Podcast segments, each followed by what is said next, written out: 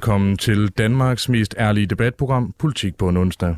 Her inviterer vi hver eneste uge spændende gæster til politisk debat uden spin og fastlåste politiske positioner. Og hvis du forventer neutrale værter, så er det altså det forkerte sted, du lytter med.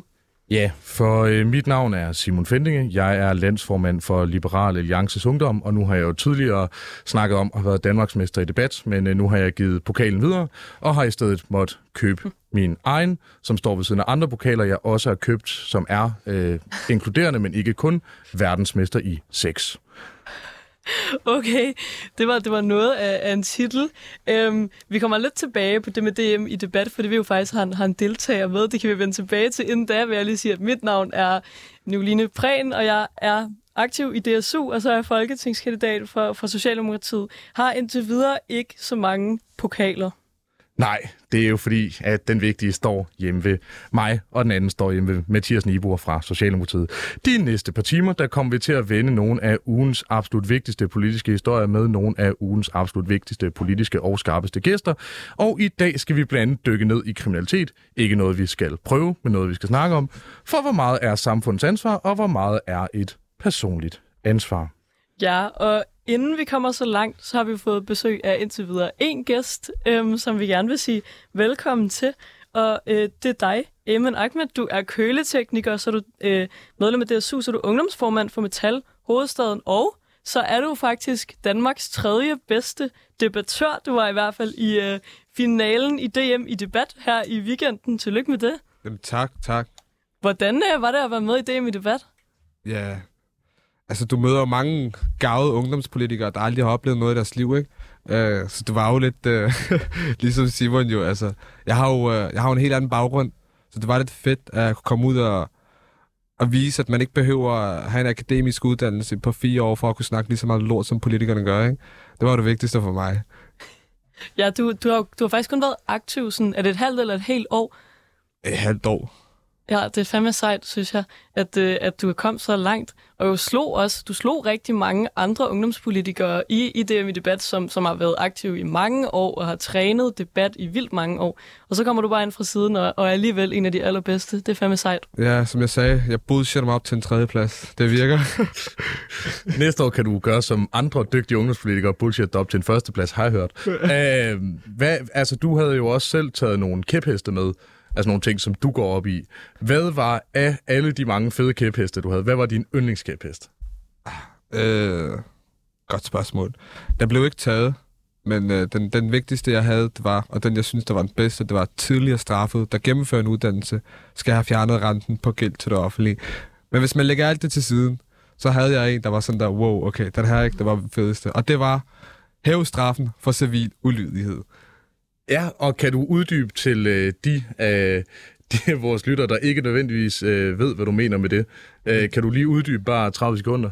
Jamen, jeg mener jo, at øh, når vi har en masse klimaaktivister, der limer sig fast på jorden, lastbilsaktivister, der frihedsberøver et helt land med at køre for sent, øh, så skal straffes meget hårdere. De anerkender ikke, at der er et flertal, der mener noget. Jeg også selv, altså jeg har aldrig sat mig ind i politik, men jeg ved, at når flertallet mener noget, så er det det, der bliver bestemt. Mm. Og det gør de jo ikke, jo. Nej, jeg er faktisk helt enig med dig i det. Jeg synes, civil ulydighed er noget af det mest irriterende, og jeg tror heller ikke på, at det rykker særlig meget. Vi ser folk gøre det ude på fløjene, og jeg er bange for, at, at dem, der gør det med de her lastbilsdemonstrationer, hvor de kaster kartofler ud på motorvejen, så folk ikke kan komme på arbejde, det gør jo, at folk bliver irriteret på dem og siger, det skulle sgu fair nok, at vi sætter nogle afgifter på jeres arbejde, når I alligevel gerne vil irritere os andre. Og når klimaaktivisterne de sætter sådan noget limer så fast til asfalten, så er jeg bange for, at det gør det modsatte, at det skræmmer folk væk fra klimasagen. Hvad, hvad tænker du om den, øh, Simon? Men er det ikke en lille smule omvendslev at sige, at først generer man med en afgift, så bliver de sure over den, laver civil ulydighed, og derfor er afgiften okay. Det må vel trods alt være den anden vej rundt, hvis vi nu skulle gå sådan rent nej, nej, men, logisk altså, til værks. Simon, altså, du har jo selv vundet det i debat. Du ved godt, man kan snakke sig til ting. Man kan komme på et kompromis i stedet for at sidde irriterer en helt befolkning. Altså, du, du irriterer jo borgerne og arbejderne. Det rammer ikke politikerne. Ja, det var bare logikken i det her, så hvor, hvor altså med øh, Neoline, der sagde, at øh, jo, jo, men vi kan jo så se, at de irriterer en masse mennesker, derfor er afgiften okay. Jeg ser det lidt den anden vej rundt. Jeg synes, afgiften, synes jeg i øvrigt er, er dum Øh, ikke fordi man ikke skal beskatte øh, eksempelvis øh, øh, folk, der kører på vejene, og i øvrigt også folk, der sviner klimaet til. Man kan bare gøre det på en, på en meget klogere måde. Jeg ved godt, at øh, det ikke er noget, man er så meget for i Socialdemokratiet, Venstre og Moderaterne at gøre ting på en klog måde, men Ah, derfor... Nu synes jeg lige, det bliver øh, lidt Det er strengt. fordi, du er liberal mand, jo. Du, du gider ikke at tage penge fra folk, jo. Det er jo det, det, er jo det helt bunder ud i, jo. Nej, Ja. man kan bare godt gøre ting på en, øh, på en klogere måde. Øh, eksempelvis med en høj ensartet CO2-afgift. Jeg ved godt, det, det kunne være øh, fuldstændig vanvittigt. Hvis bare der var en flertalsregering, som havde en lille smule nosser, så kunne man jo rent Ja, men Simon, der, der, bedre måde. der Ikke? kan man jo godt bare være uenig. Jeg synes, det er meget fair, at man gør det de steder, hvor det giver rigtig god mening. Det gør det bare på lastbilkørsel.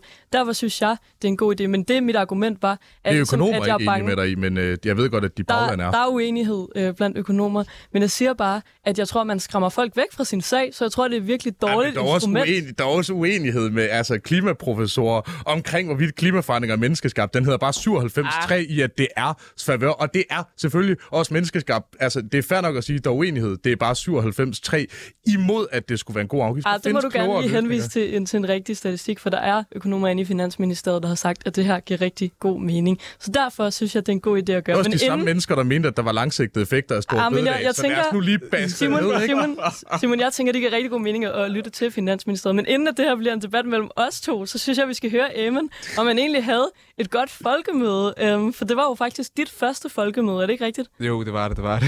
Som, øh, som du var med til her i weekenden, og hvor du altså kom på tredjepladsen i DM i debat.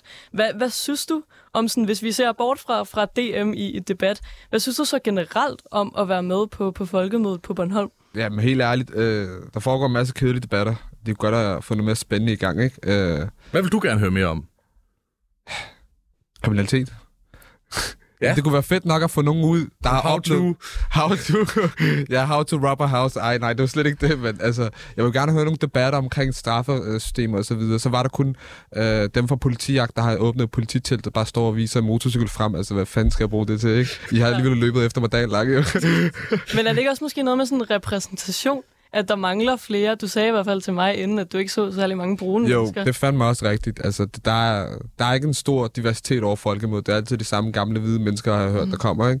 Øh, og det er jo Ja. ikke, fordi jeg er racist eller noget, men der findes også andre mennesker end øh, politikere og hvide mennesker, der, der findes også. Ja, det er lidt det, for jeg tror, for sådan nogle tre ja, som os, ikke, så er folkemødet jo virkelig fedt, fordi vi møder en masse mennesker, som vi kender. Øhm, vi passer måske også ind, også fordi vi alle tre er aktive i forskellige ting. Det er virkelig sjovt, og jeg synes, det er godt, at politikerne ligesom er med nede, møder mennesker sådan, med en fadøl i hånden, øh, måske er ude på floor endda, og er sådan, altså helt nede på jorden. Det ser man bare ikke i særlig mange andre lande i verden, så det synes jeg er fedt. Men der mangler, altså vi kan vel godt blive enige om, der mangler nogle flere almindelige mennesker. Ja, det gør der. Altså, man kunne lige så godt tage en bus ned til Nørrebro og proppe alle drengene i og flyve Ja. dem op til Bornholm. Ikke? Hvorfor gør man ikke det, for eksempel? Det vil være en rigtig god idé. Køre ud til ghettoen og, og få nogle mennesker, der normalt ikke møder politikerne med over, så det ikke bare er dem, der alligevel omgås med dem. Ja, og, Det synes jeg, du skulle prøve at spørge eksempelvis Pia Kærsgaard om. øh, prøv at spørge politiet. Jeg tror, jeg tror der findes et ret mange godt de- argument for ghetto. Øh, Nej, men man hører, mange af de mennesker nede fra ghettoen, de har også nogle politiske holdninger. De aner bare ikke, hvad politik er.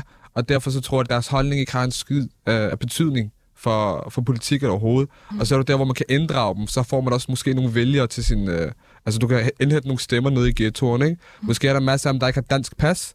Det er så et andet problem. Det burde vi også øh, kigge på senere hen. Men generelt, der er en masse muligheder og politiske holdninger, du kan inddrage. Udover det, så kan øh, hvad hedder det, partierne, de kan indhente stemmer, hvis de begynder at inddrage en masse andre mennesker, begynder at invitere dem ud. Det er jo det, det hele er, ikke? Altså, du render bare rundt og sælger dig selv og promoverer dit parti og så videre.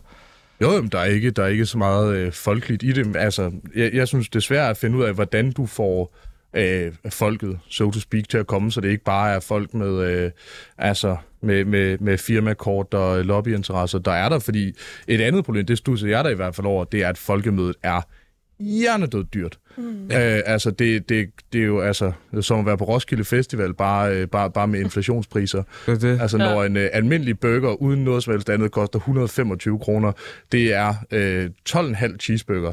Det er altså det er relativt meget. En Dudum kostede 80, men jeg blev helt overrasket.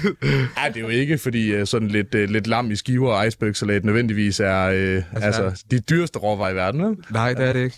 Så, så det er jo også, altså... Og ølpriserne tør jeg slet ikke tale om. Øh, altså, det er... Udfordringen er vel også prisniveauet, så det, altså det ligger jo også relativt øh, langt væk for mange, og overnatning er jo også, altså... Ja, fordi apropos det, hvad, hvad tænker I om at flytte det til Vejle, for eksempel? Eller, eller til Fælledparken i København?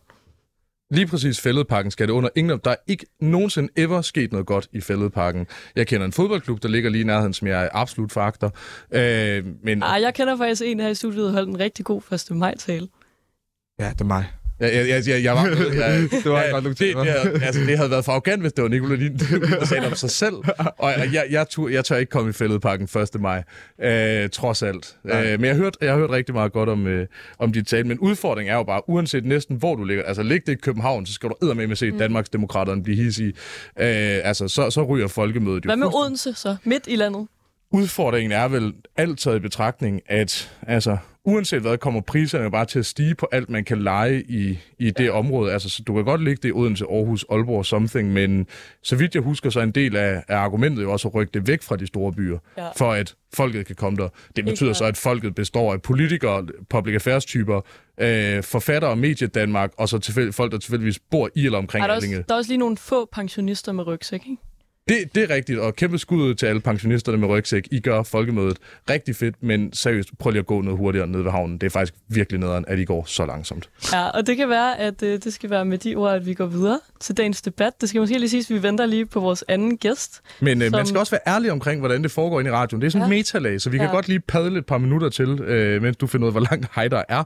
Så vil jeg høre dig om, altså, sådan et koncept som det debat, når man kommer udefra, ikke er sådan vildt skolet, Altså når der kommer, øh, altså der er 32 deltagere, 38 af dem er jo øh, ungdomspolitikere. Altså når alle de her rigtig skolede typer, som mig selv, som øh, Venstres ungdomsformand Maria Ladegaard, der blev nummer to, som øh, jo også har været med i 10, 12, 13 år og arbejdet for du for det ene og det andet, ikke? Altså, hvad, hvis du kunne ændre på formatet for at sikre, at der kommer flere stemmer, som ikke er de klassiske, altså TV2 News og øh, P1 Debatgøjler, øh, hvordan, hvad vil du gøre for, at der er flere med, øh, med en, for at bruge dine egne ord, en, øh, en spændende baggrund, øh, der har levet et virkeligt liv, der kommer med? Det vil være at fange dem i øjenhøjde. Altså, jeg vil, få, øh, jeg vil, jeg vil anbefale DUF at komme ud og fortælle det på skolerne, at der er det her øh, spændende øh, debattræning. For det første, så er en ting, der er en problematik allerede, det er, at de ikke giver særlig meget debattræning til dem, der ikke har nogen erfaring. Altså, så skal man kunne kende nogen, før man kan ligesom få lov til at øve sig i at debattere. Altså for eksempel Frederik Enevoldsen, tidligere venner, og Mathias Wienholdt. Det var jo nogle af dem, der hjalp os, fordi vi kommer fra fagbevægelsen af. Men så hvis du bare har nogle helt almindelige mennesker, så skal de klare sig selv med et debatworkshop, hvor de henter laurent. Altså det er jo heller ikke, fordi du får verdens bedste træning der. Der er jo en masse andre mennesker, der trænes på samme tidspunkt. Ikke? Så det er jo ligesom, at, at først så skal vi hjælpe folk, dem der allerede deltager, der, fordi der var jo en del, der også har en anden baggrund. Altså, der var jo nogen, der kom fra politikens debattør- og kritikerskole. Så kan man bare argumentere for, at de gør det særlig godt derinde. Men øh, det, er jo, det er jo noget andet. Men, men man kan jo bare fange folk i øjenhøjde og give dem noget ordentlig træning, så, så tror jeg på, at vi får en meget mere divers, øh, hvad hedder det, DM-debatkultur.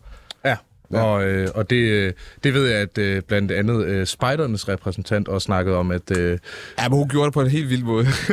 ja, hun, øh, hun pegede jo ned på, øh, til, øh, vi, det var inde i politikens, øh, politikens hus, inde i, øh, inde i salen, hvor hun pegede ned og sagde, at øh, var, var det, det var 11 ud af 12, eller 15 ud af 16, eller 7 ud af 8, der var, øh, der var ungdomspolitikere, Øh, hvilket, så vidt jeg husker, jo også er fuldstændig rigtigt, men folk var, nej, nej, ungdomsspillere, det er vi i hvert fald ikke, men øh, nogen vil øh, sige, at øh, både dig og, øh, dig og Amanda har et øh, stort, fedt, brændemærket øh, socialdemokratisk logo op på, øh, op på brystet, og har vinderen i øvrigt også, men øh, i stedet for at snakke om alle de dumme, trælse ungdomspolitikere, så kunne vi måske se, om ikke vi skulle gå videre til noget lidt mere spændende.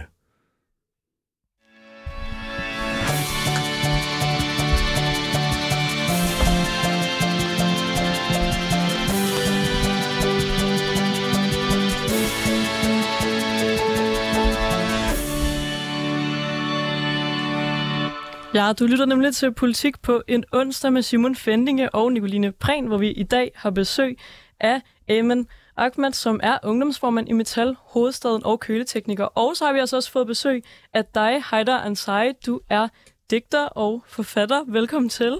Jo, tak for invitationen. Og øh, I to, I er her jo til en snak om noget, som I måske udover stadig at have lidt øh, uh, tredjedags tømmermænd fra folkemødet, øhm, også har til fælles. Nemlig, at de begge to er tidligere straffet, altså tidligere kriminelle. Ja, og det er det, vi skal dykke ned i i dagens program. For I to, I er kommet ud af den kriminelle løbebane. I står her. I øh, deltager i den offentlige debat. I øh, er under uddannelse og har et arbejde, altså alt det, man gerne vil have. Men hvordan kan vi sørge for, at færre unge ender i en kriminel løbebane? Hvordan får vi bedst unge ud af kriminalitet, når de er havnet der? Og hvis ansvar er det egentlig? Ja, det kommer vi altså til at dykke ned i i dag. Men først, så øh, kunne vi rigtig godt tænke os at lære jer lidt bedre at kende, og måske høre jeres historier. Og Heider Ansai, jeg tænker, at vi øh, starter med dig. Du har jo udgivet en, øh, en hel dæksamling om meget af det, som vi skal tale om i dag. Dit forlag Gyldendal skriver om din bog. Fortællingen begynder den dag, jegets far kommer i fængsel, og slutter, da jeget selv sidder inde og afsoner en dom for forsøg på manddrab. Heider Ansai tegner et portræt af kvarteret på Amager, hvor et jeg vokser op, og af de institutioner og fængsler, som han ryger ind og ud af. Det er en fortælling om Jarls vej ind i kriminaliteten, og om alle de veje, han ikke tog, selvom han havde mulighed for det. Heider, hvad øh, fik dig til at vælge at skrive den her digtsamling? Det var en blanding af mange ting, tror jeg. Jeg tror, at øh,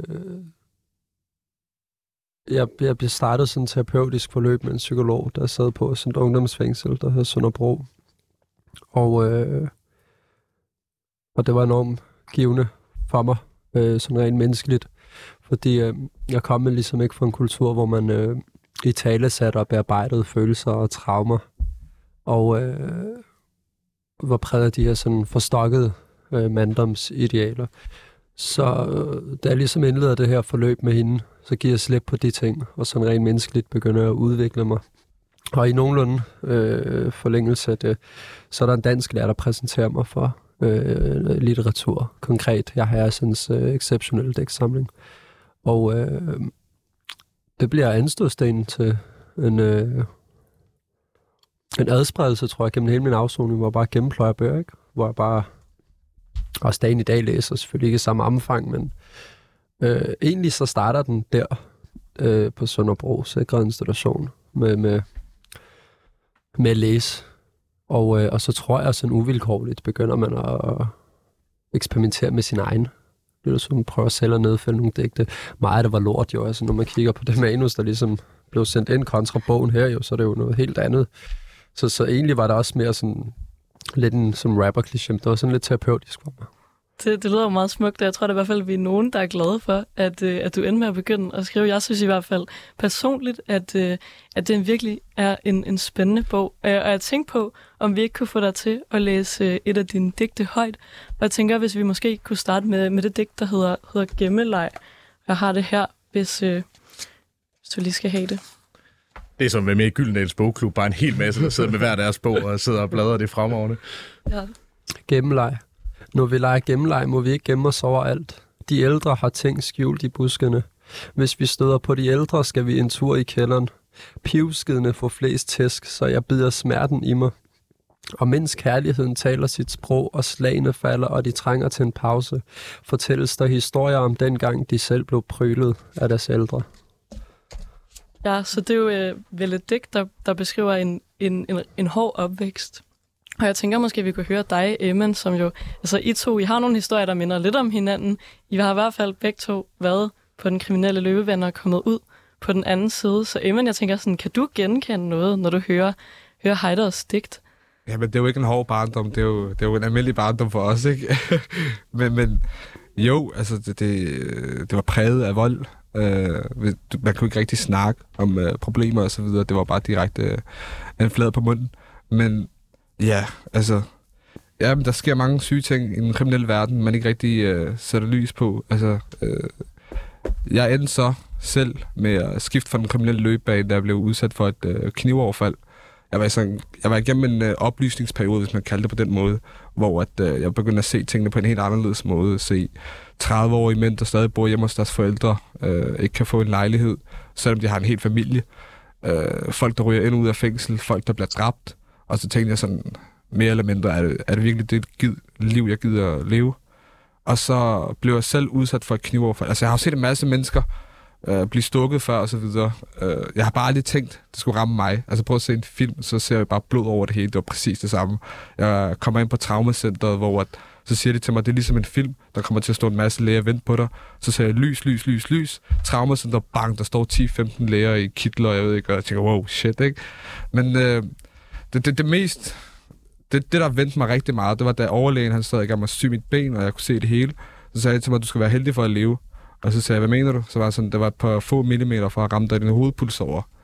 Og så tænkte jeg, oh, shit, ikke? Ja. Øh, og, så, og så efter det, så, ja, så begyndte jeg mere eller mindre at prøve at skifte min løbbane. Tog en skole ude på Jylland, hvor jeg ligesom havde en pause til at tænke over de ting, jeg havde været igennem. Og så, og så, ja, så blev jeg medlem af Metal Ungdom, hvor jeg så, der var noget helt andet end det kriminelle liv. Og så blev jeg medlem af DSU, og nu kæmper jeg for, at øh, andre ikke skal være i samme situation. Det, Og du, øh, du snakkede jo også om, øh, faktisk i, øh, i det med debat, snakkede du om øh, noget med at få en, øh, en krammer af sin øh, familie. Øh, kan, kan du sætte nogle flere ord på det? Ja, øh, Nu vi snakker om, øh, om opvækst. Jeg står her helt blød og rund og bamset, og jeg har fået masser af krammer. ja men øh, altså, når du, hvordan skal jeg beskrive det her? Du er opvokset i et socialt belastet boligområde. Øh, skolen, jeg blev mobbet i folkeskolen til at starte med, men så blev det meget hurtigt, så fandt jeg ud af, at hvis jeg ikke skal mobbe, så skal jeg være ham, der mobber i stedet for.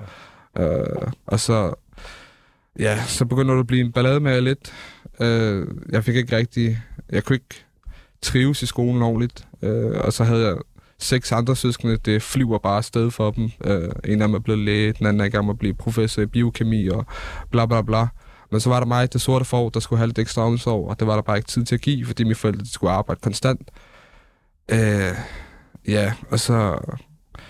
Men så fik jeg jo aldrig den anerkendelse, jeg manglede, fordi øh, da jeg blev født, jeg var det femte barn, der blev født, og så skulle mine forældre hele tiden arbejde, så det ikke rigtig tid til mig. Jeg har heller ikke så mange barndomsbilleder, faktisk, mm. fordi de har aldrig rigtig tid til mig. Øh, og så og det er måske noget af det, som du, Heider, også, også skriver om. Du skrev også en, øh, en kronik i Politiken i august sidste år, hvor du skrev, jeg følte, at anerkendelsen, som jeg fik fra mine venner, når jeg gennembankede andre børn eller stjal fra dem, opvejede min mors styrbare tårer og den formanende pegefinger fra skoleinspektøren. Kan du øh, sætte nogle flere ord på det? Ja, altså... Jeg kunne forestille mig, at i jeres miljø, der har det givet kapital at få gode karakterer mm. og have en god adfærd. Mm. Det tror jeg, du har. Jeg tror, der hvor mig, man kommer fra, der gav vold kapitalen. Mm.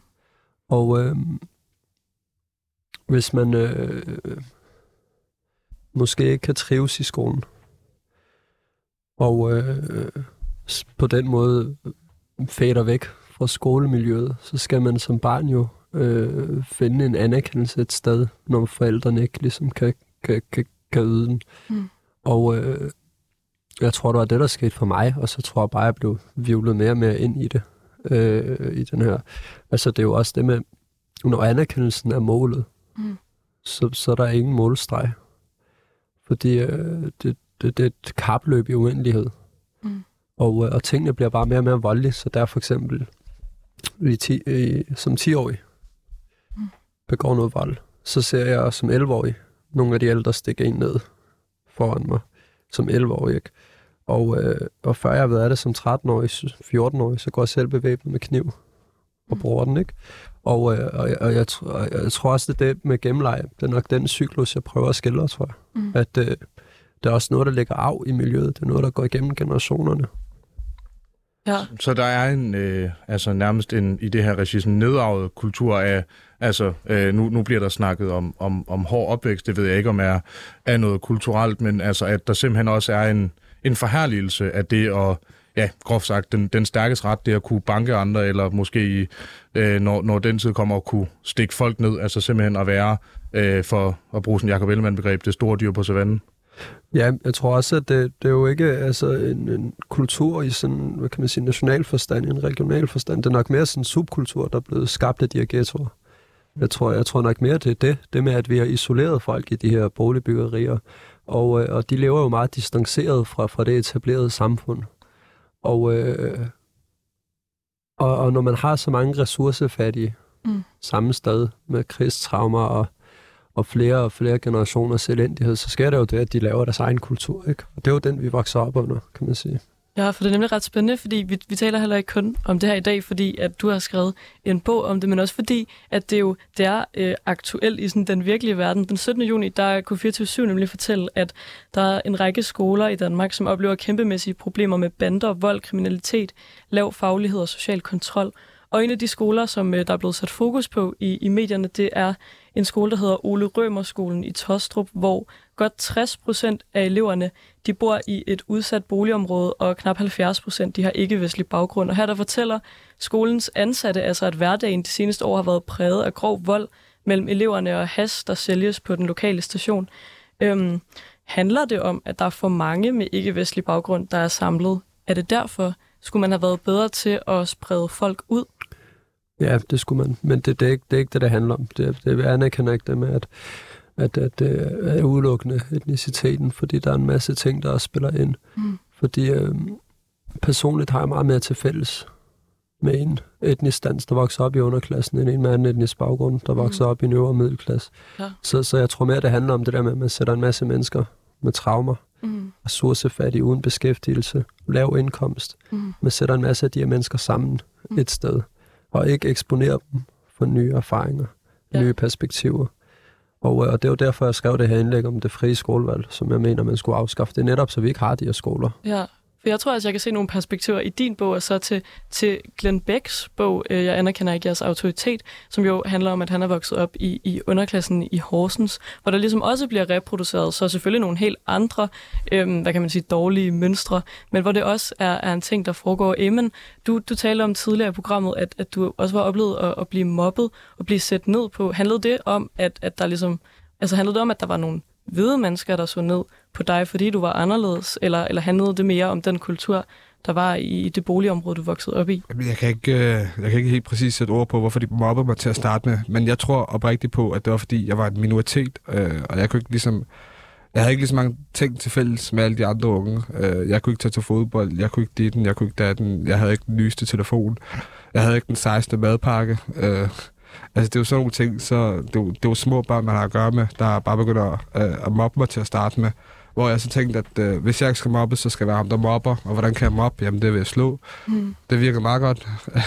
men, men for at vende tilbage på det, Heider han sagde, øh, jeg tror også, det har noget at gøre med, at øh, når, når, når lærerne de ser en, fra, der er ressourcefattig, øh, så forventer de heller ikke særlig meget. Mm. Altså det gør også bare, at øh, lærerne ikke engang har et håb til dig. Mm. Øh, jeg blev tit smidt ned på kontoret og så videre, øh, i stedet for at deltage i undervisning. Jeg blev trukket ud og givet specialundervisning, øh, hvor jeg kunne øh, socialisere mig med de andre unge.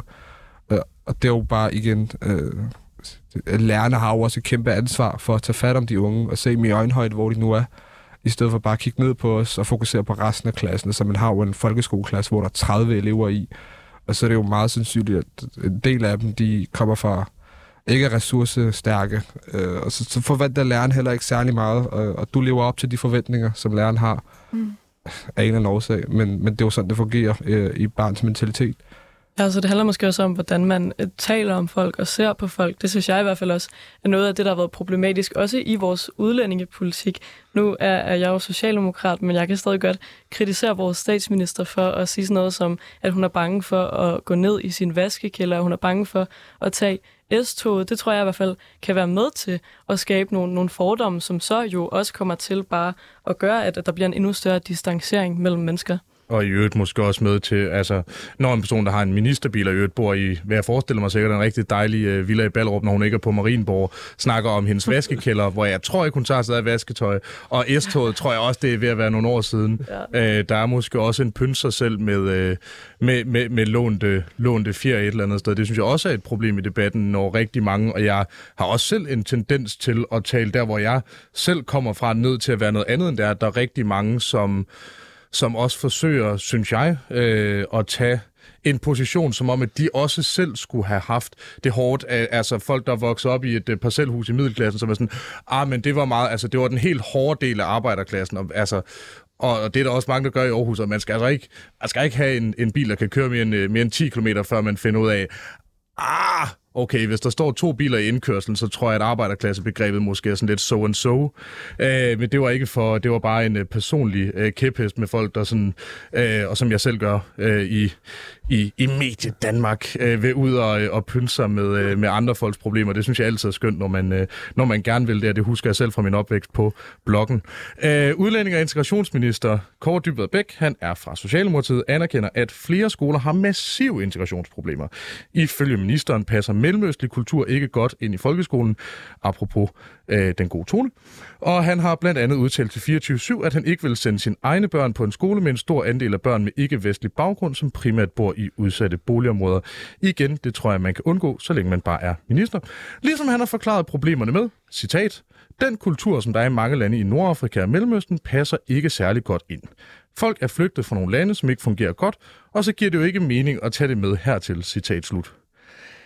Har han fat i noget rigtigt? Amen. Ja, Kåre Dybvad, altså han er jo Socialdemokratiet, men øh, altså mange af de mennesker, der kommer til Danmark, øh, de har jo en masse traumer med øh, på vejen. Øh, bagagen er fyldt op med alle mulige oplevelser, øh, og så kommer de til et land. Selvfølgelig, de alle sammen prøver at leve op til de danske værdier, men øh, jeg tror, at det da helt tilbage ud til, da man begyndte at lave de her øh, ghettoområder i godseøjne, hvor man bare propper en masse øh, ikke-vestlige folk ned i, i et boligområde, så integrerer man dem heller ikke ordentligt. Så det er også en del af samfundets skyld, at vi har tabt dem hen ad vejen, fordi at øh, vi har ikke rigtig prøvet at sådan, skabe noget diversitet. Vi har bare samlet dem alle sammen i et sted, lagt en skole lige ved siden af, hvor de alle sammen kan gå. Så vi har, vi har ligesom selv været med til at fastholde de kulturer, de nu har med på vejen i stedet for at, at give dem nogle af de danske værdier. Mm. Uh, så jeg tror, at Kåre Dybvad, han, øh, han bliver nødt til at kigge tilbage i historiebogen og se, uh, hvor har der været fejl henne. Uh, mm. Ja, det er, jo, det er jo mere eller mindre det, tænker jeg. Ja, det tror jeg faktisk, jeg er enig med dig i, fordi man jo også så skaber mulighed for, at der kan skabes nogle måske dårlige kulturer, når folk, som minder rigtig meget om hinanden, bor tæt. Altså, jeg synes jo generelt, ghettoer er et problem, også overklasse ghettoer. Altså, øh, der, der er også problemer med, at der bliver holdt nogle, nogle virkelig voldsomme fester, også med en dårlig kultur over for eksempelvis kvinder, en dårlig kultur i forhold til stoffer i, i mange, mange Det gør steder det i også i middelklassen og i Jylland. Jeg tror ikke, det er nødvendigvis et ghetto-problem. Ah, men det, det er rigtigt. Uh, hvis du læser den bog, der hedder Fest til fest med eliten, um, så, så kan du i hvert fald få et indblik i, at der også er nogle problemer. Så Det er jeg jo tror, Annette Haik selvbiografi. det er det trods alt ikke. Det kunne det måske Ikke. godt have været. Clara Øhm, ikke? Det, jo, præcis. Øhm, og så det, jeg siger bare, jeg tror generelt, at når mennesker er mixet, så opnår man, man det bedst mulige samfund. Men Heider, du skriver også i din bog et sted, mor forbyder mig at snakke med pigerne fra klassen, så jeg omtaler dem som luder. Er det noget, der kommer fra, fra den kultur? Altså, er det... Der bliver, der bliver lige grinet over for Amen. øhm, er det noget, er det noget altså kom, kommer det fra den, den kultur, er det noget, kommer det fra noget religion, fra noget kultur? Din, din mors øh, sådan, måske syn på, at, at hendes søn ikke skal tale med pigerne, så du, du får en distance til, til pigerne i, i din folkeskoleklasse. Ja, det tror jeg kunne have været øh, noget af det. Jeg tror, at mange af vores forældre, de kom øh, fra et land, der var en diametral modsætning til, til Danmark, og kom her meget øh, øh, pludseligt, tror jeg. Og øh, rent mentalt befinder de sig jo ikke i Danmark som sådan. Jeg synes, de har ikke rodfæstet sig i, øh, i Danmark. Og, øh, og vi som børn vokser så op med sådan en, vi er ikke danske, men vi er heller ikke helt arabiske, vel? Mm. Vi er ikke gudfrygtige, men vi er heller ikke sådan gudløse. Og, øh, og, og i, i det mellemrum, den der omvandrende gråzone, man er, øh, så, så, så ender man nogenlunde med sådan en adfærd, mener jeg. Mm. Øhm, men, men jeg tror også, at der er noget med tidsperspektivet her. Fordi den generation, der lige kom til Danmark, den, øh, den, er, den er ved at høre op nu. Altså, vi, vi er børn, der vokser op som anden generations indvandrere. Ikke? Vi er... Vi har ikke... øh, Altså, vi, vi er nok nogle af de sidste. Mm. Nu hvor man er skåret så meget ned på at hente andre ind. Så, så vores børn vokser jo op med andre forudsætninger. Altså, en lillebror på 8, for eksempel. Han kommer i skole i, jule, i julehue, nissehue, ikke? Mm. Og, øh, og han, han fejrer jul, ikke? Mm. Og, øh, og det, det billiger min mor. Mm. Så, så jeg tror også, der er noget at tale om det der med, at det er så fjernt væk. Og så, og så havde man måske ikke rodfæstet sig.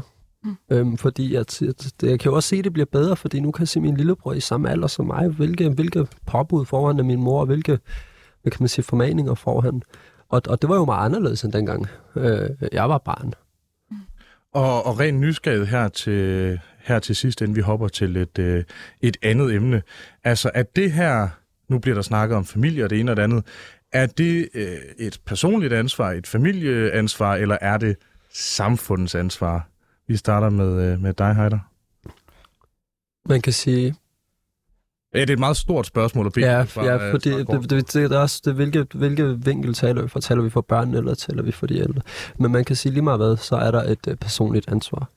Og, øh, og det er kæmpe fortaler for. Jeg synes ikke, at vi skulle frarøve os selv førligheden af vores liv. Jeg synes, at, øh, at vi mennesker skal forstå, at de valg, vi træffer, er vores eget ansvar. Og øh, jeg tror, i lang tid, så har der været sådan en... Øh, en underlig ting med dem, dem der så øh, vil forsvare minoritets øh, etniske folk, så, så frarøver de dem det personlige ansvar og offerliggør dem. Og det er jo en måde at marginalisere Mm. folk. Og det vil jeg som Amen også det der med forventninger. Det, Mm. det, det er jo altså at have ingen forventninger er lige så dårligt som at negative forventninger. Ikke? Ja. Og hvis mange af de her børn vokser op med sådan en, jamen jeg kan godt forstå, at din, din far er traumatiseret, og din mor også øh, traumatiseret. Jeg kan godt forstå, hvis du bliver kriminel. Mm. Så bliver barnet jo kriminel. Mm. Ikke? Så jeg tror også, at det er vigtigt for mig i hvert fald, at have været at gå ud og sige til de her, som du har et ansvar for dit liv, jeg tror på dig. Og, og, og, og, og, og, og, og hvorom alting er, skal du vide, at, at det er dig, der skal leve med de her valg. Når du ligger som 80-årig, Mm. og skal kigge tilbage på dit liv, så, så, det, så handler det om, hvad har du udrettet, hvad har du ikke? Det er fuldstændig underordnet, hvor synd der har været for dig, hvilke omstændigheder du har klaret den under. Det, altså, al, alle de mellemregninger er totalt ligegyldige. Det handler om, hvordan har du formået at spille de kort, du nu engang fik på hånden. Så på en eller anden måde en, en konklusion, der siger, at man har et personligt ansvar for de ting, man gør, men, men hvordan man ligesom, de muligheder og måske den viden, man har til at træffe de valg, man tager, de kommer også fra samfundet. Samfundets ansvar består jo i, at jeg har samme forudsætninger som et barn fra Frederiksberg. Mm. Øh, og, og, og, og det er på forskellige planer, man kan gøre det. Øh, først og fremmest synes jeg, at man skulle kigge på arv, afgiften Mm. øh, i forhold til boligmarkedet. Men, men det er nok en længere snak. Men, øh, Helt, helt enig, men ja, det kan være, det er en debat, vi skal tage en anden dag, og indtil videre kan vi måske øh, gå videre til den her teams næste runde.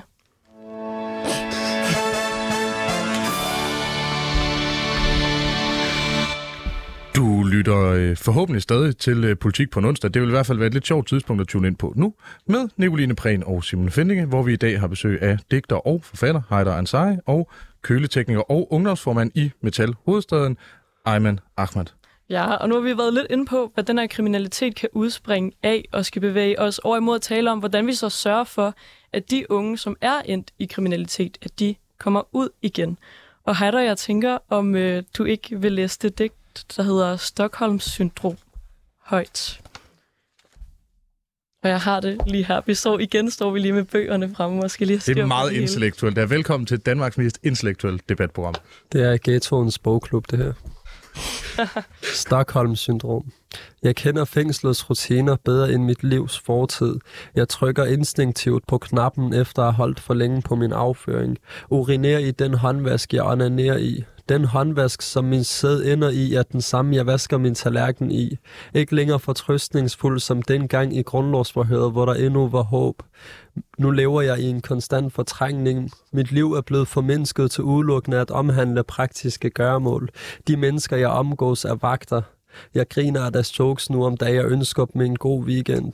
Livet uden for murene interesserer mig mindre end burgeren hver tredje lørdag.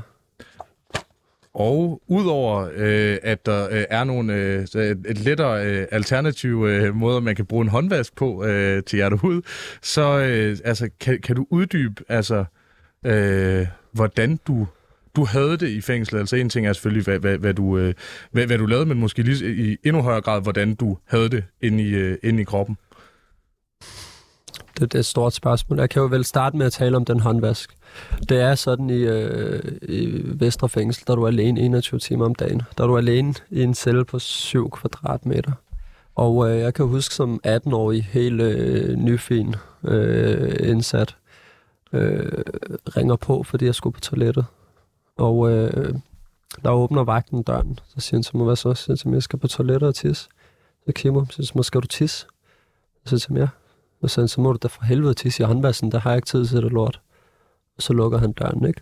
Og, øh, og øh, så begyndte jeg at forstå, at Øh, vagterne er så presset, så hvis de skal lukke alle ud, der skal tisse hele tiden, så skal de ikke lave andet i løbet af en dag, fordi man er jo så mange timer alene i cellen. Ikke? Mm. Så øh, den håndvask bliver i virkeligheden symbolet på øh, det eneste, hvad kan man sige, det eneste sted at soignere sig. Og, øh, og når man ikke har et toilet, når man ikke kan gå i bad, det rum, man er i, og når man generelt tilbringer så meget øh, tid i et rum alene, øh, så bliver sådan noget med at soignere sig øh, overflødigt. Det bliver, det bliver en, en ligegyldig luksus. Ikke? Og, øh, og det er jo der, man, man bliver dyrisk. Ikke? Og når man vender sig til de her rammer, når man lever i dem i tilpas lang tid, så begynder man at trives i dem. Øh, jeg begyndte at trives i, i den verden, der var, der var i fængsel. Så var jeg begyndt at trives i ensomheden. Øh, jeg begyndte at foretrække ensomheden. Øh, og øh, konsekvensen af det jo, mm. at øh, lige pludselig så vil man ikke slippe ud af de rammer. Så bliver man det, man kalder institutionaliseret. Ikke? Mm. Og, øh, og der, der kører sådan nogle faste øh, maddage i Vestre Fængsel. Og øh, der er sådan 21 retter, øh, der kører. Øh, sådan simpelthen en fast, faste Ja, ja, ja. og de, de, de, de kører, og jeg spiste dem i, i, i et halvandet år, ikke? Mm. Men, men de kører sådan fast. Og, øh, og hver tredje lørdag, der er sådan en, øh, en øh, burger med chili mayo og, øh, og, og pomfritter. Og det var måske ikke en helt stor kulinarisk oplevelse herude, ikke? men altså, det, den var da meget god derinde. Ikke? Mm. Og, øh, og jeg, kunne, jeg kunne huske nogle gange, da jeg fik besøg, for eksempel det fængsel, at øh, nogle gange glædede jeg mig også bare til at komme tilbage. Mm. Selvom der var mine familiemedlemmer, jeg elskede mig og savnede dem og sådan noget. Men det var bare, det var, de levede i en anden verden. Her levede I ligesom i min verden, ikke? Mm. Og, og det er jo konsekvensen ved indespærring, ikke? Og øh, Eman, kan du genkende det, det billede af fængslet, som, øh, som Heider han tegner her? Um, nu var jeg jo så heldig at være på en ungdomsinstitution. Uh, en ungdomsfængsel kan man også kalde det for jo. Uh, så der var ikke... Uh, jeg havde et bad. Jeg havde heldigvis et toilet. det er jeg meget glad for at have. Men jo, jeg forstår godt Heider, fordi at... Uh, altså, jeg skulle jo ikke være, jeg skulle ikke være inde på værelset konstant, men uh, altså, jeg skulle være inde på de samme kvadratmeter konstant. Uh, det var jo bare frem og tilbage, og mm. jeg, blev, jeg kedede mig så meget, jeg blev god til at spille backgammon og skak. altså, så ved man, at jeg har kedet mig, ikke? men helt grundlæggende, uh, Ja, ja. fordi Emma, du, du skrev også i, man kunne læse i København Liv, øh, den der avis øh, i, i København, der kunne man læse dig fortælle om, hvordan du havde oplevet at være på den her ungdomsinstitution, hvor du blandt andet også sagde, da jeg sad inde, var den uddannelse, jeg fik, bare video med dokumentar, og ingen prøvede at lokke mig til at tage en uddannelse. Jeg tror, at vi kan spare samfundet for mange milliarder, hvis vi gør en indsats for at hjælpe de her mennesker ind i uddannelsessystemet. Kan du, kan du uddybe den oplevelse? Ja, øh, vi havde jo en intern skole, hvor man også omgås kriminelle mennesker konstant. Øh, der er ikke andre. Mm. Øh, og så, så kommer du i skole klokken 9 om morgenen, og så det eneste, du laver, det er at se dokumentar dagen lang. Det bliver også kedeligt i længden. Øh, jeg vil gerne jeg vil gerne ligesom blive forberedt på den verden, jeg kommer ud i igen. Men, men det er jo som om, at dit liv er blevet sat på en standby. Mm. Øh, du laver ikke en skid.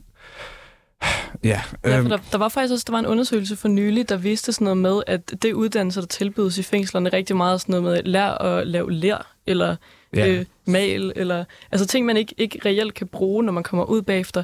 Kan man argumentere for, at det er fair nok, at når man skal straffes, så skal ens liv også pauses på en eller anden måde? Ja, mål, målet med en straf, altså når du udsoner en straf, det er, at du bliver resocialiseret igen og kommer ud på den anden side jo. Mm. Selvfølgelig skal man tage hensyn til offerets udsagn, og der skal være noget retsfølelse indover, men som alle, øh, en, en undersøgelse viser også, at størstedelen af dem, der har været ofre, øh, for, altså øh, forurettet i en sag, de vil jo gerne have, at øh, den gerningsmand kommer ud af ikke kriminel længere.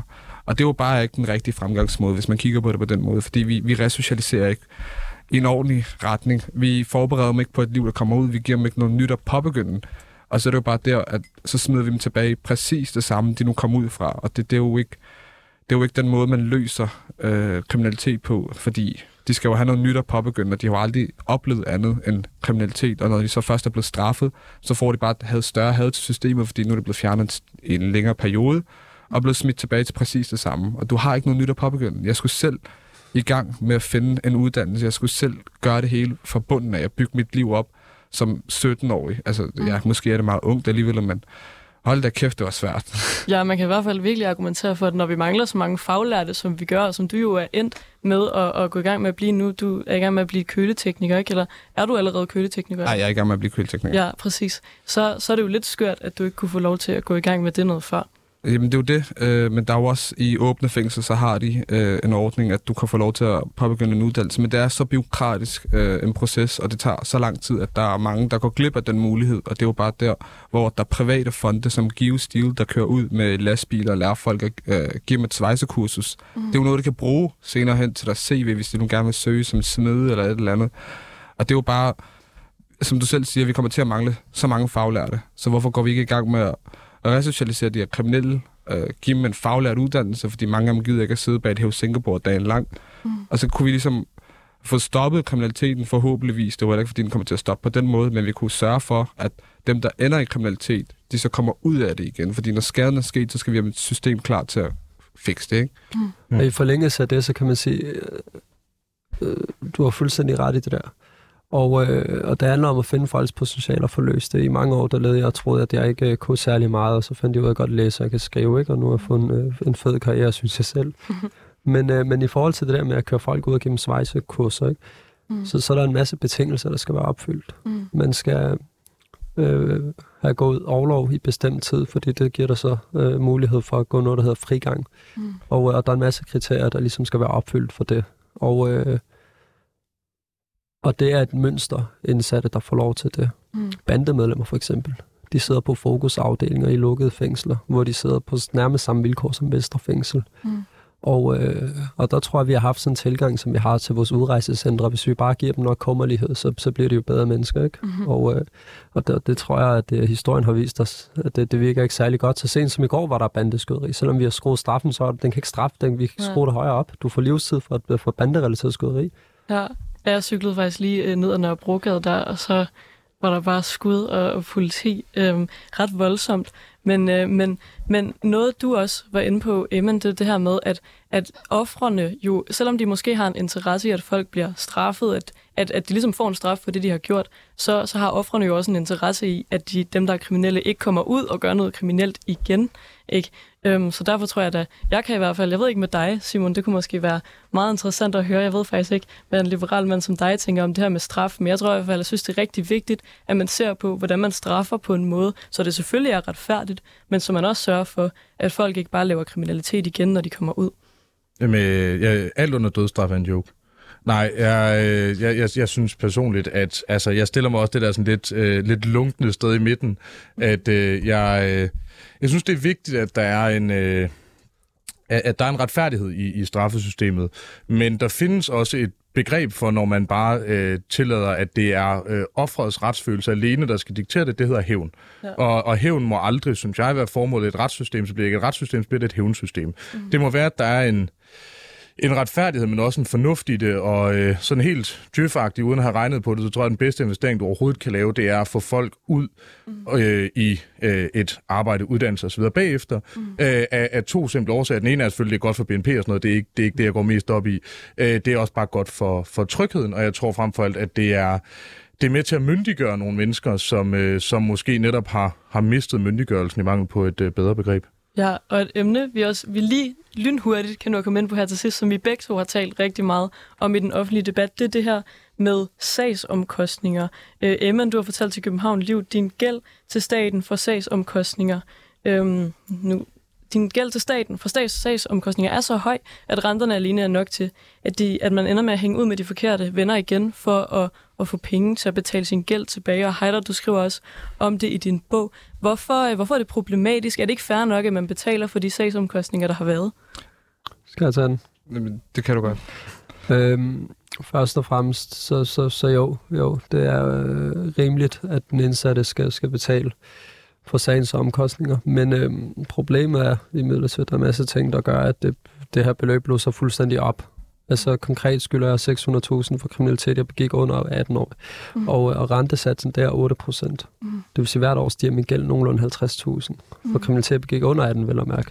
Ja, ja for det er også en pointe. I var begge to under 18, da I ja. begik det her kriminalitet. Ja, og børn kan ikke på nogen andre, i nogen andre henseender, bortset fra erstatningssager og straffesager, blive pålagt gæld. Du mm. kan jo ikke stifte et banklån som barn, for eksempel. Ikke? Mm. Og, øh, og, og, og, og problemet er også, at når du for eksempel sidder inde, Mm. så har du øh, øh, formentlig besøgs- og brevskontrol, som vil sige, du kan ikke få besøg. Mm. Og, øh, og hvis du som barn der har godt af at se nogle mennesker, så kommer din advokat gerne på besøg. Mm. Din advokat, han tager 2100 kroner i timen. Ja. Så du kan godt se, at din, hvis, hvis din bedste ven og din eneste besøgsven er forsvarsadvokat, Mm. så før du hvad det, kommer du ud med en massiv gæld. ja. Noget noget af det, der også er sjovt nu, øh, du sidder bare over rentesatsen. Øh, til sammenligning så er rentesatsen på øh, et SU-lån er øh, 3 procent. Øh, det eneste, man, det lyder til, man opnår ved det der, det er bare, at du aldrig nogensinde får det betalt af, at det bare er en, altså et sted mellem Danske Bank og Sisyfos-myten. Og det er jo også en utrolig dårlig forretning for staten. Mm. Altså det er jo ikke, altså rent pekuniært er det, er det fuldstændig ugennemtænkt, fordi øh, altså, man estimerede det samlede beløb i 2050, hvis det er til, tre- til 13 milliarder kroner. Mm. Ud af, det, ud af fi- 80 procent af den gæld sidder 75 procent af skyldnerne med, og de har ingen betalingsevne. Det vil sige, lige nu så står der et fiktivt kæmpe beløb i vores statsbudget, som slet ikke eksisterer. Mm. Ikke? Og man bruger flere penge på at inddrive, forsøg på at inddrive, end man faktisk får inddrevet. Så, så det I konkret også er bange for, er det, at folk så ender med for eksempel at sælge stoffer igen, når de kommer ud af fængslet, fordi de skal Ja, have nogle hurtige penge? Man lavede også en undersøgelse, der viste, at, øh, at hvis du er sammen, hvis du for eksempel har, har et fuldtidsarbejde, Mm. øh, kontra øh, hvis du er på overførselsindkomst, så ender du med det samme rådighedsbeløb, fordi Gældsstyrelsen laver lønindholdelse. Mm. Det vil sige, at du mister samtlige incitamenter for at vende tilbage og arbejde. Ikke? Mm. Og så kan man sige, at den ene afdrager trods alt på gælden, men det gør han egentlig ikke. Han afdrager på renterne. Mm. Og, og det, det, der sker, er, at så får folk ikke en registreret indkomst. Så, så arbejder de enten sort, eller, eller begynder at, at, at være de- altså decideret kriminelle, ikke? Men, men, men en anden ting er også, altså det er, jo, det er jo fint, at du betaler af på den skade, du nu har gjort, og det mener jeg slet ikke, man skal fjerne.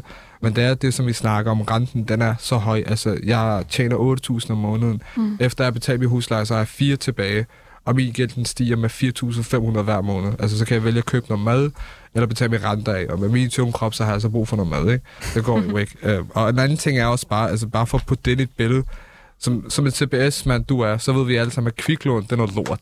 Altså, det er jo bedre for mig at tage et kviklån og lukke min gæld af, end det er at betale min gæld af til det offentlige system. Der, der vil jeg bare gerne have anført, øh, bare sådan af markedsføringstekniske øh, årsager, det, det skal I ikke gøre. Det er privatøkonomisk en rigtig dårlig beslutning. Heider, lige, lige her til sidst, hvad, hvad tænker du er det allervigtigste, man skal gøre i forhold til resocialisering i, i Danmark? Jeg tænker, noget af det kunne være øh, at kigge på gæld. Noget andet er at kigge på, øh, på vilkår. Altså at sætte folk øh, alene 21 timer om dagen, der bliver du dyrisk af. Mange af de mennesker, jeg sidder med, de er bandemedlemmer i dag. Mange af mine barndomsvenner, de er blevet bandemedlemmer. Mange gik den vej. Mm. Jeg var heldig. Jeg fandt øh, mit potentiale, Ja. og, og det er blevet mit métier. Hvis ikke jeg havde fundet det, så er jeg ikke sikker på, at jeg havde stået her og, og skulle debattere. Nej, det er vi mange, der er glade for, at du gjorde i hvert fald. Vi kan lige spørge dig til allersidst, Eman, også om det samme. Du har kaldt resocialisering i Danmark for en joke. Øhm, hvad, hvad skal der ske? Jamen, øh, det første er, min første prioritet, det er at give, øh, at give folk en uddannelse, give dem noget, de kan påbegynde, når de kommer ud af fængsel igen. Og så det andet er, at skulle kigge på gælden. Øh, altså, jeg skulle jo først stå på vippen til døden, før jeg ændrede mig. Og det, det, det er ikke en, det vil jeg ikke have, at andre skal. Altså, det, det er for langt ude. Øh, og derfor jeg kalder Danmarks resocialisering en joke, fordi vi mener, at vi resocialiserer godt, men når man kigger på systemerne, så er der 8.000, der begår noget strafbart, Mm. 66, altså 8.000, der bliver løsladt hvert år. 66 procent falder tilbage i kriminalitet inden for to år. Det er en joke. Ja, det, var, det blev de sidste ord i uh, den her udgave af Politik på en onsdag. Tusind tak til, til jer to for at være kommet ud kriminalitet at stå her nu og bruge jeres stemme i den her debat. Det var altså Haider Ansari, som er digter og forfatter, og så var det Eman Ahmad, som er køletekniker og ungdomsformand i Metal Hovedstaden. Tusind tak for jeres tid. Jeg kan ikke sige det på en måde.